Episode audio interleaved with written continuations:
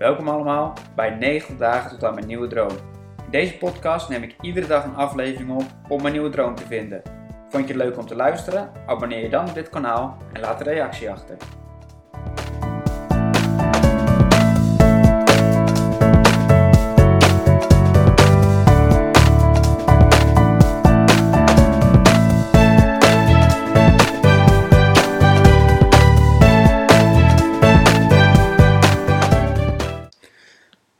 Welkom weer bij een nieuwe podcast, dag 19. Een goed moment om weer eens terug te kijken, denk ik. Ehm, ik ben deze allereerste podcastaflevering begonnen met eh, te zeggen dat ik echt uh, nou ja, op zoek ben naar een nieuwe droom. En dat er iets moet gebeuren. En daar sta ik nog steeds vol achter. Ehm, in de afgelopen 19 dagen veel dingen gebeurd. En als ik het grof samen kan vatten, dan kan ik wel constateren dat ik vooral de diepgang, dat, dat, dat, dat me wel echt ja, heel interessant lijkt. En zoals nu ben ik ook met dit boek bezig om dit ook af en toe in de podcast te behandelen. En dat vind ik ook super leuk. En ik merk dat dat me echt wel ja, fascineert en dat ik daar wel echt van aanga. Ook de gesprekken over dit soort onderwerpen, over hoe de psyche werkt, hoe dat invloed heeft op de acties die je onderneemt. Dat vind ik gewoon heel interessant. Alleen nu is de vraag een beetje van ja, hoe ga ik dat ja, aanbieden of hoe ga ik dat uh, überhaupt in een product uh, verwerven. Want kijk, voor de corona gaf ik gewoon echt fulltime training. Nou, toen kwam corona, dan is het echt wel een stukje minder geworden. En stel ik zou gewoon weer voltijd training willen geven, dan kan dat gewoon dan moet ik me daar gewoon op instellen en daar ook nou, wat reclame voor maken, et cetera. Maar op de een of andere manier voel ik dat het toch niet helemaal is waar ik volledig voor wil gaan, laat me zeggen. Voor een toekomst met vijf trainers in dienst, alleen personal training. Uh, dat, ja, ik weet niet. Dat, ik, ik word daar niet heel enthousiast van, laat ik het zo zeggen. Dus ik blijf zeker training geven, dat is gewoon mijn passie. Alleen ik denk niet dat ik dat helemaal wil uitbrengen, eh, tot een heel groot bedrijf. Ik wil me liever heel erg verdiepen in een bepaald thema. En die diepgang spreekt me er heel erg in aan. En hoe je overtuigingen en gedachten invloed hebben op, je, ja, op, op de acties die je onderneemt. Ehm, en allereerst wil ik daar zelf gewoon ook heel goed in worden. En ja, hoe ik dat vervolgens dan in een product of zo wil gaan doen, geen idee. Dus ja, is ook maar gewoon weer een idee. Maar ja, dat wil ik gewoon voor vandaag registreren. Um, ik zat ook te denken van, ja, er zijn natuurlijk best veel mensen op zoek van wat ze precies willen. En dat proces heb ik dus vijf jaar geleden ook gehad. En toen heb ik het echt gevonden. Stel, ik vind het nu ook heel duidelijk. Kan ik ook een soort groep op gaan zetten, gewoon een Facebookgroep of zo, waar dan tien mensen in zitten. En waar iedereen dan iedere dag ook een verslagje in mikt of zo, weet je wel. En dat iedereen dan kijkt en reageert en elkaar ondersteunt, helpt en tips geeft. Dat soort dingen zijn ook leuk, denk ik. En ja, daar geef je ook veel meer waarde in. Dus dat zijn zomaar wat ideeën. En nou, dat zijn toch wel nou, dus, meer ideeën dan in de eerste week, laat maar zeggen. Toen had ik helemaal geen idee, echt geen idee. Het was wel heel grappig, want gisteren heb ik ook een nieuwe podcast opgeload. Een interview met Guido. En toen had ik nog geen idee dat ik een eigen podcast ging starten en dat ik überhaupt dit proces in ging. Toen was het echt net corona. En toen zat ik echt van, oké, wat is dit? Wat moet ik gaan doen? En ja, het is wel grappig dat ik wat ik daar zeg, dat advies kan ik nu heel goed richting mezelf gebruiken. Van blijf dicht bij jezelf. Uh, ga, vertrouw in je eigen proces en waar het je heen leidt. Uh, tegenslag is er ook voor om, uh, nou, misschien wat oneffenheden te corrigeren en daardoor weer extra sterk terug te komen. Dus ja, dat vond ik ook wel interessant om. Zeg ook wel eens toch van uh, de, het advies wat je geeft, is het advies wat je zelf hard nodig hebt gehad of het, het hardst nodig hebt. Dus ja, dat, dat uh, nou, vond ik wel interessant. Um, dat dus. Um, registratie voor vandaag. Ik heb geen directe ambitie om het puur training geven tot een heel groot bedrijf uit te bouwen. Ik wil sowieso mijn lessen blijven geven. En ehm, ik vind het wel heel interessant hoe de menselijke psyche werkt. En om daar misschien wat meer mee te doen. Of ook om mensen uh, bewust te maken van wat ze willen. En daar een soort iets voor op te zetten. Het zijn zomaar wat wilde ideeën. Um, verder ben ik bezig verder met het boek, waar ik uh, iedere dag uh, een stukje uit pak. En ik ben, er staan, even kijken hoeveel lessen in, want hij heeft het ook over lessen. Ja, en kijk, dit is zomaar een boek, hè. Dit heeft mij gewoon heel erg aan het denken gezet, dit boek. Maar het is niet van dat ik zeg van, yo, dit is de waarheid of zo zit het. Maar ik vind voor mezelf, voor mijn eigen proces, vind ik dit gewoon een heel interessant boek om erbij te pakken.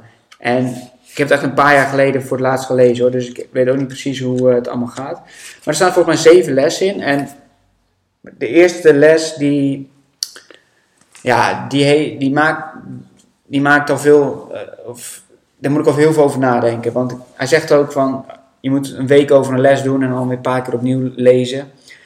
En hier heb ik ook echt even tijd voor nodig. Dus ik weet niet of ik morgen weer een nieuwe les kan doen. Um, hij heeft het dus over hoe overtuigingen eigenlijk de materiële wereld beïnvloeden. Um, dus ook bij ziektes zegt hij eigenlijk dat het diep gewortelde overtuigingen zijn die bepaalde ziektes uh, nou, bewerkstelligen. En alles wat ik zeg is niet dat ik het daarmee eens ben of zo. Ik zeg alleen wat hij zegt. Um, maar hoe dat bijvoorbeeld zou kunnen gaan, daar neemt hij ook wel een sterk voorbeeld van trouwens, wat ik in mijn eigen leven ook heel erg uh, herken. Um, dan zegt hij over verkoudheid. Als de deur open staat en het tocht en je bent uh, overtuigd dat je dan een verkoudheid krijgt, dan krijg je die ook. Terwijl ik altijd had van ja, de deur staat open, tocht, ja, het is buiten 15 graden, wat maak je moeilijk over? En ik was nooit verkouden of zo, snap je? Um, is natuurlijk van welke oorzaak heeft het gevolg? Misschien is diegene gewoon heel snel verkouden en denkt hij daarom. Of komt het dus door die overtuiging? En hij zegt dus uh, dat het het laatste is. En kijk, dat hier een kern van waarheid in zit, dat is gewoon, dat staat vast. Want iedereen weet denk ik gewoon wel, als je ergens op instelt, als je een bepaalde uh, overtuiging hebt, dat het gewoon veel uh, waarschijnlijker is dat je dat aan gaat trekken. Alleen hij maakt het echt gewoon zwart-wit. Van het is helemaal zo.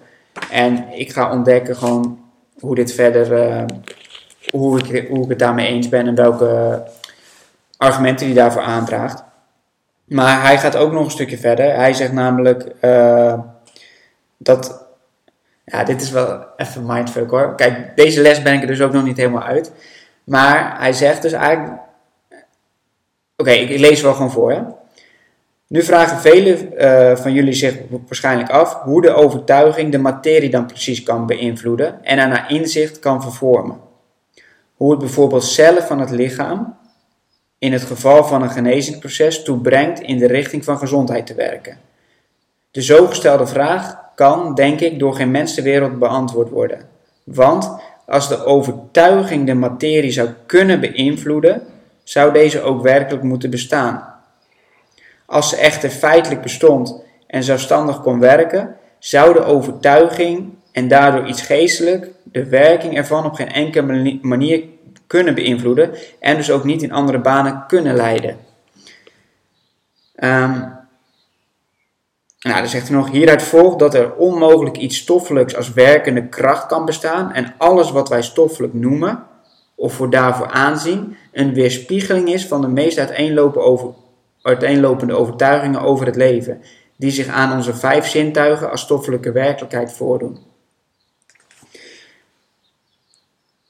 Ja, dus hij zegt eigenlijk dat onze zintuigen en onze overtuigingen vormen de materie.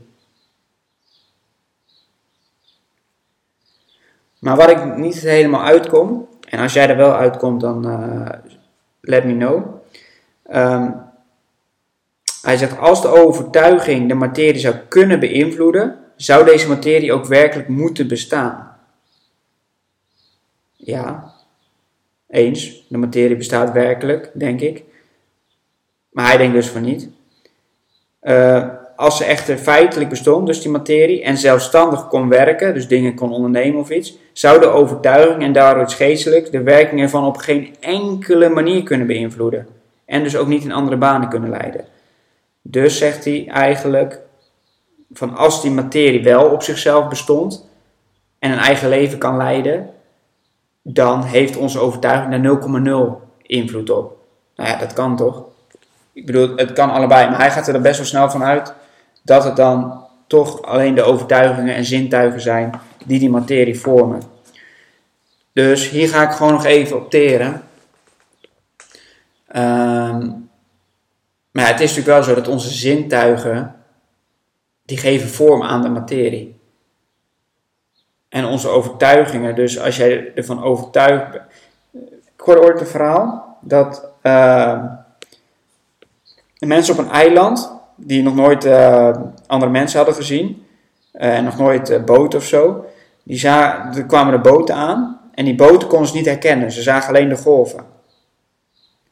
Omdat ze niet de, die de kennis hadden en de overtuiging hadden dat boten überhaupt iets zijn of kunnen bestaan. Dus ja, misschien in die richting zou, ja, zou die ja, dit, dit betoog kunnen kunnen inzetten. Ik, ben, ik ga hier even over verder denken. Kijk, dat de zintuigen de materie uh, maken. En dat we daar bepaalde. Ja, kijk, de zintuigen geven materie binnen. En vervolgens met onze geest verbinden daar conclusies of interpretaties aan. Dus hé, hey, dit is een boom. Ja, maar een boom, wat is een boom? Dat interpreteren we ook maar in onze hoofd of zo. En onze ogen geven er een beeld bij. Alright. Ja, het is gewoon diving deep. Door filosofisch. Doet me ook denken aan, een, uh, aan wat we met filosofie hadden, had ik op uh, school. Van als er nu een boom omvalt in het bos. En jij bent daar niet bij. Valt die boom dan nog om of niet? Ik kan heel makkelijk zeggen ja. Uh, die valt gewoon om, alleen niemand ziet het. Maar ja, je komt er nooit achter. Snap je? Dus nou, laat hem maar even, laat hem maar even berusten deze. Ik ga hem niet verder uitleggen. Tot morgen. Leuk dat je luisterde naar deze podcast. Vond je het leuk om te luisteren? Abonneer dan nu deze podcast in de podcast app. Wil je verder nog tips omtrent voeding, vitaliteit en sporten? Volg me dan ook op Instagram.